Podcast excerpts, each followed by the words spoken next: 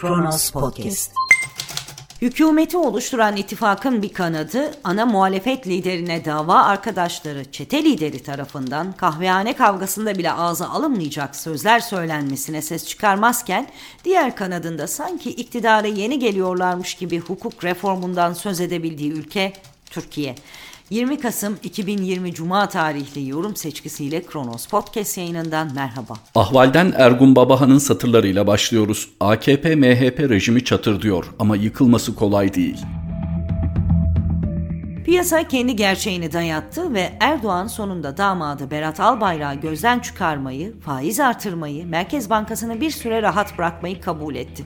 Erdoğan'a bu şartları dayatan, ülkeyi iflas noktasına getiren yönetim anlayışı ve uygulamalarıydı. Erdoğan zihniyeti için rekor denilecek bir faiz artırımı gerçekleştirildi ancak piyasa bununla yetinmiyor. Hukuk reformunda ısrarlı. Avrupa Birliği ile ipleri koparmayı göze alarak hukuku ayaklar altına alan Erdoğan bunu yapabilir mi? Amerika'da yönetim değişikliğiyle gelen ekonomik kriz Erdoğan'ın oyun alanını daralttı. Rusya ile her şeye rağmen iyi giden ilişkilere zarar vermeden Washington'la ortak bir dil tutturmak zorunda Erdoğan ama kurduğu ittifak elini kolunu bağlıyor. Bahçeli'nin Alaaddin Çakıcı'ya sahip çıkarken Selahattin Demirtaş ve Osman Kavala isimlerini anması, Sabah gazetesinde Kavala aleyhine asılsız ve karalayıcı bir haber yayınlanması ona sınırlarını hatırlatıyor. Gemiyi yüzdürmek için piyasayı, iktidarda kalabilmek içinse Bahçeli'yi dinlemesi gerekiyor. Bahçeli sıradan bir ortak değil, 15 Temmuz öncesi ve sonrası yaşananların birinci elden bilgi sahibi. Ortaklığı bozmasının bedeli ağır olabilir ama hiçbir şey yapmadan yola devam etmesi mümkün değil. Faiz kararı ve daha önceki uygulamaları iktidarda kalabilmek için her türlü ilkeden vazgeçebileceğini ortaya koyuyor. Erdoğan sadece sıcak para değil de 2000'li yılların başında olduğu gibi kalıcı yabancı yatırım istiyorsa gerçek bir hukuk reformu yapmak zorunda. 18 yıllık iktidarının ardından bunu yapması mümkün değil. Sadece Türkiye ve dünya kamuoyunun tanıdığı 3-5 ismi tahliye ettirerek güven kazanamaz ama bir mesaj vererek zaman kazanabilir. Orada da karşısına Bahçeli ve şürekası çıkıyor. Doğu Perinçek gibi anti-Amerikancı isimlerin televizyona çıkmasını engellemek, televizyonlarda sürekli İyi Parti tartışmak da çözüm değil. Ama asıl açmazı hem Amerika'yı hem de Bahçeli'yi dengelemek zorunda olması. Bu eşyanın tabiatına aykırı. Merhum Mesut Yılmaz bu gerçeği görmüş ve idam cezasının kalkması karşılığı erken seçime evet demişti. Erdoğan erken seçime karşı sadece iktidarını güçlendirerek devam ettirecekse evet diyebilir. Bunu yapabilmesi için yeni bir ittifak kurması, güçlendirilmiş parlamenter sisteme evet demesi gerekir. Bunu yapar mı? Zor. Ama Çakıcı ile siyaset sahnesine bodozlama giren Bahçeli ile de piyasaya güven verecek saygın bir politika çizgisi tutturması da zor hatta imkansız. Şu anda çocukların hatrı için devam eden mutsuz bir evlilik görüntüsü var. Bu arada Biden'ın seçimiyle eli güçlenen Avrupa Birliği de Türkiye'ye karşı daha kararlı adımlar atma hazırlığına başladı. Ege krizinde Ankara'ya karşı yumuşak tavrıyla öne çıkan Avrupa Birliği Dış İlişkiler ve Güvenlik Politikası Yüksek Temsilcisi Joseph Borrell bile ağız değiştirdi ve ilişkilerimizde dönüm noktasına doğru yaklaşıyoruz açıklaması yaptı. Bu sözleri Almanya Dışişleri Bakanı Maas'ın açıklamalarıyla birleştirirsek Avrupa başkentlerindeki havayı daha iyi anlarız.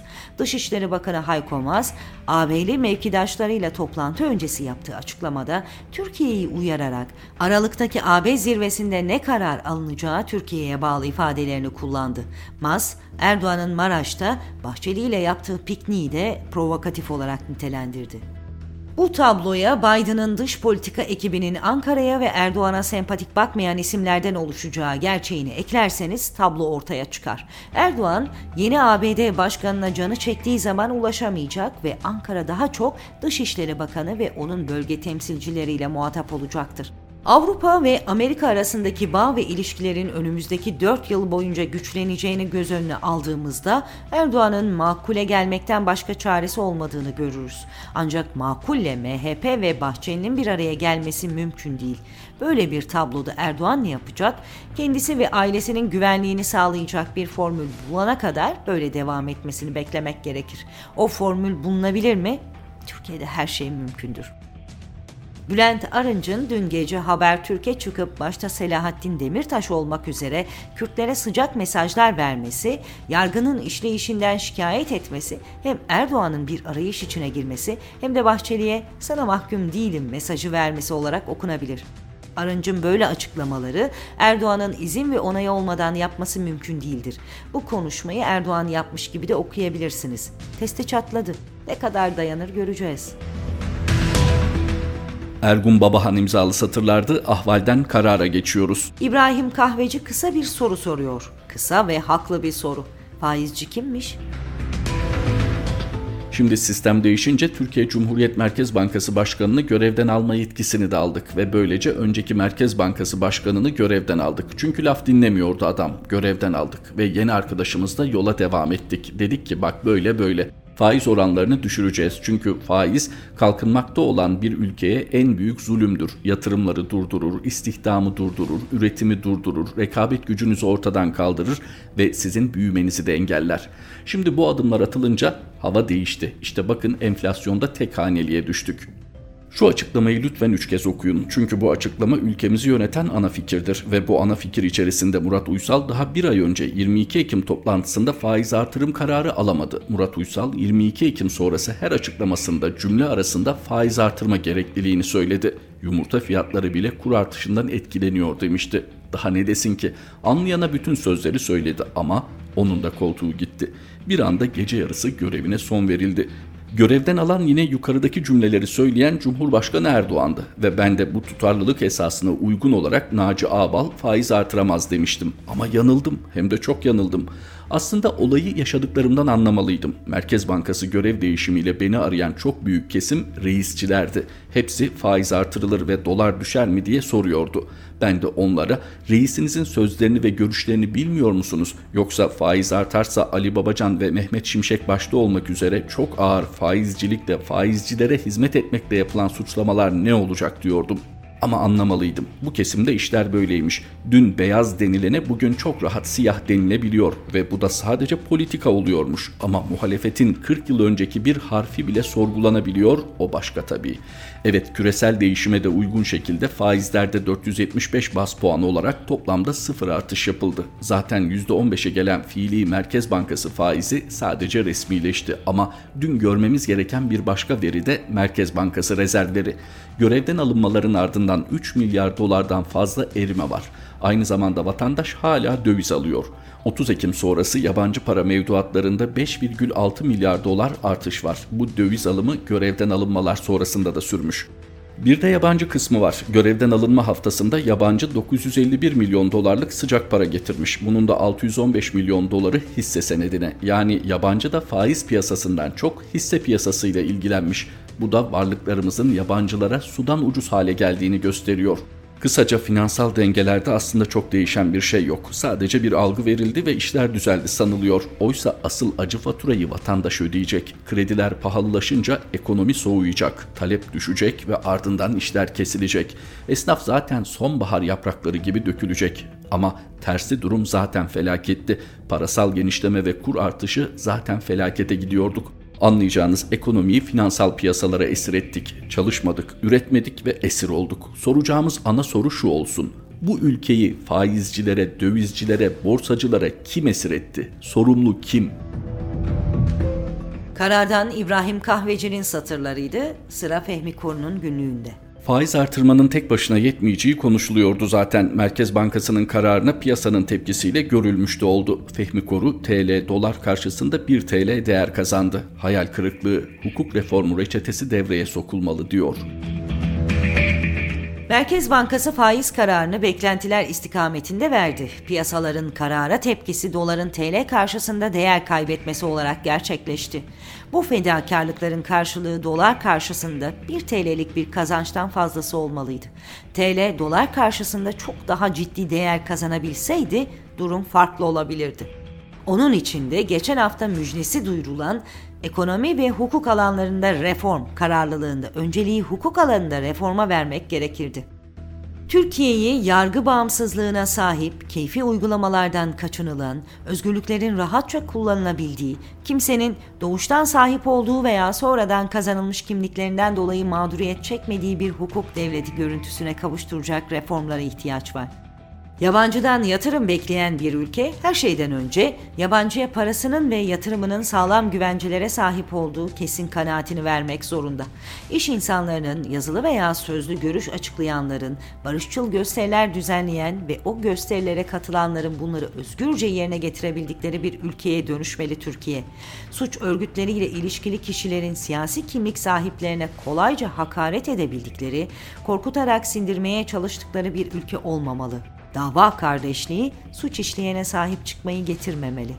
Vehimler yüzünden insanlar KHK'lerle işlerinden olmamalı. Olmuşlarsa hakları iade edilmeli. Suçun şahsiliği temel ilkesine aykırı davranışlardan kaçınılmalı.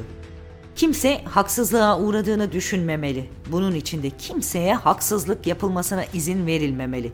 İltisak gibi her yöne çekilebilecek kavramlar icat edilip onlara hukuki geçerlilik kazandırılmasıyla çok geniş kitlelerin mağduriyet hissedeceği bir iklim yaratılmamalı. Böyle bir iklime yol açılmışsa vazgeçilmeli. Reform, toplumun bütün kesimlerini rahatlatacak bir hüviyete büründürülebiliyorsa bunun ekonomi üzerindeki etkisi faiz yükselterek TL'ye değer kazandırmaktan çok daha fazla ve kalıcı olacaktır. Faizi yükseltmek gerekiyorsa yükseltilir elbette. Ekonomi alanındaki kararlar hukuk alanında yapılacak reformla el ele gitmiyorsa onun etkisi sınırlı kalmaya mahkumdur. Siyaset alanında Selahattin Demirtaş'ın, yazar Ahmet Altan'ın, iş insanı Osman Kavala'nın, gazeteci Alaaddin Kaya'nın hapiste bulunduğu, suç örgütü lideri gerekçesiyle mahkum olmuş hapiste yatarken afla serbest bırakılmış Alaaddin Çakıcı'nın kollarının siyasete uzanıp racon kesebildiği bir görüntü Türkiye'ye de TL'ye de kaybettirir. Acilen bu tabloyu tersine döndürecek gelişmeler yaşanmalı. Cumhurbaşkanı Erdoğan, Merkez Bankası'nın dünkü kararından sonra TL'nin beklediği canlılığı görmediği hayal kırıklığını yaşıyorsa, umudu yeşertmenin reçetesinin kendisinin dile getirdiği hukuk reformu olduğunu hatırlamalı. Hukuk reformu vurgusunda bulunan Fehmi Korun'un günlüğünden Cumhuriyete geçiyoruz. Bazı doğrular vardır, itirazsız kabul edilir ama uygulama öyle olmaz. Mesele özellikle gücün elde tutulmasıysa Emre Kongar şahsım devletinin çıkması. Devlet kurum ve örgüt olarak duygulardan arınmıştır. İlişkilerini anayasalara, yasalara, yönetmeliklere, kısacası yazılı kurallara göre düzenler. Sevmez, kızmaz, sevinmez, üzülmez, aşık olmaz, nefret etmez. Farklı kişilere vatandaşlık ilişkisi içinde eşit davranır. Elbette devleti insanlar yönetir. İnsanlar tarafından yönetilen devlet kaçınılmaz olarak insani hatalardan, komplekslerden, eksikliklerden etkilenir. Bu etkilenme monarşik devletlerde krallar, padişahlar döneminde çok ileri düzeydedir. Her devlet kralının, padişahının cehaletinden, dengesizliğinden, ruhsal hastalıklarından ve veya komplekslerinden dolayı çok zarara uğramıştır.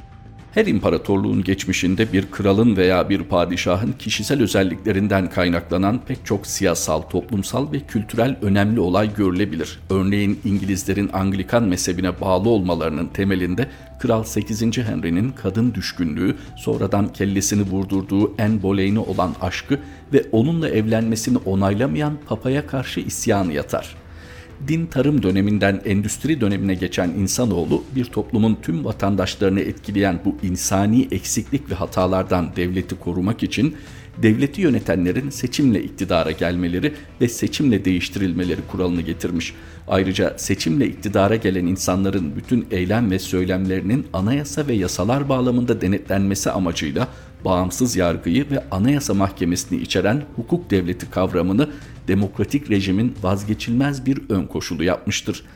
Bağımsız yargıyı kaldırır, anayasa mahkemesini pasifize eder, hukuk devletini yok ederseniz günümüzde de bir şahsım devleti kurmaya teşebbüs edebilirsiniz. Ama 21. yüzyılda insanlığın bütün birikimini ve evrimini reddederek demokrasi yolunda çabalayan bir devleti tek bir kişinin, tek bir yöneticinin keyfine, eksiklik ve yanlışlarına rağm etmek sadece siyasal olarak değil, tarihsel, ekonomik, toplumsal ve kültürel olarak da olanaklı değildir. Cumhuriyet'ten Emre Kongar'ın satırları bu birlikteliğimizdeki son paylaşımımızdı. Gülden Gül Batıbay Şahin ve Mehmet Şahin yeni yorum seçkimizde Kronos Podcast yayınında tekrar buluşmak üzere. Hoşçakalın. Kronos Podcast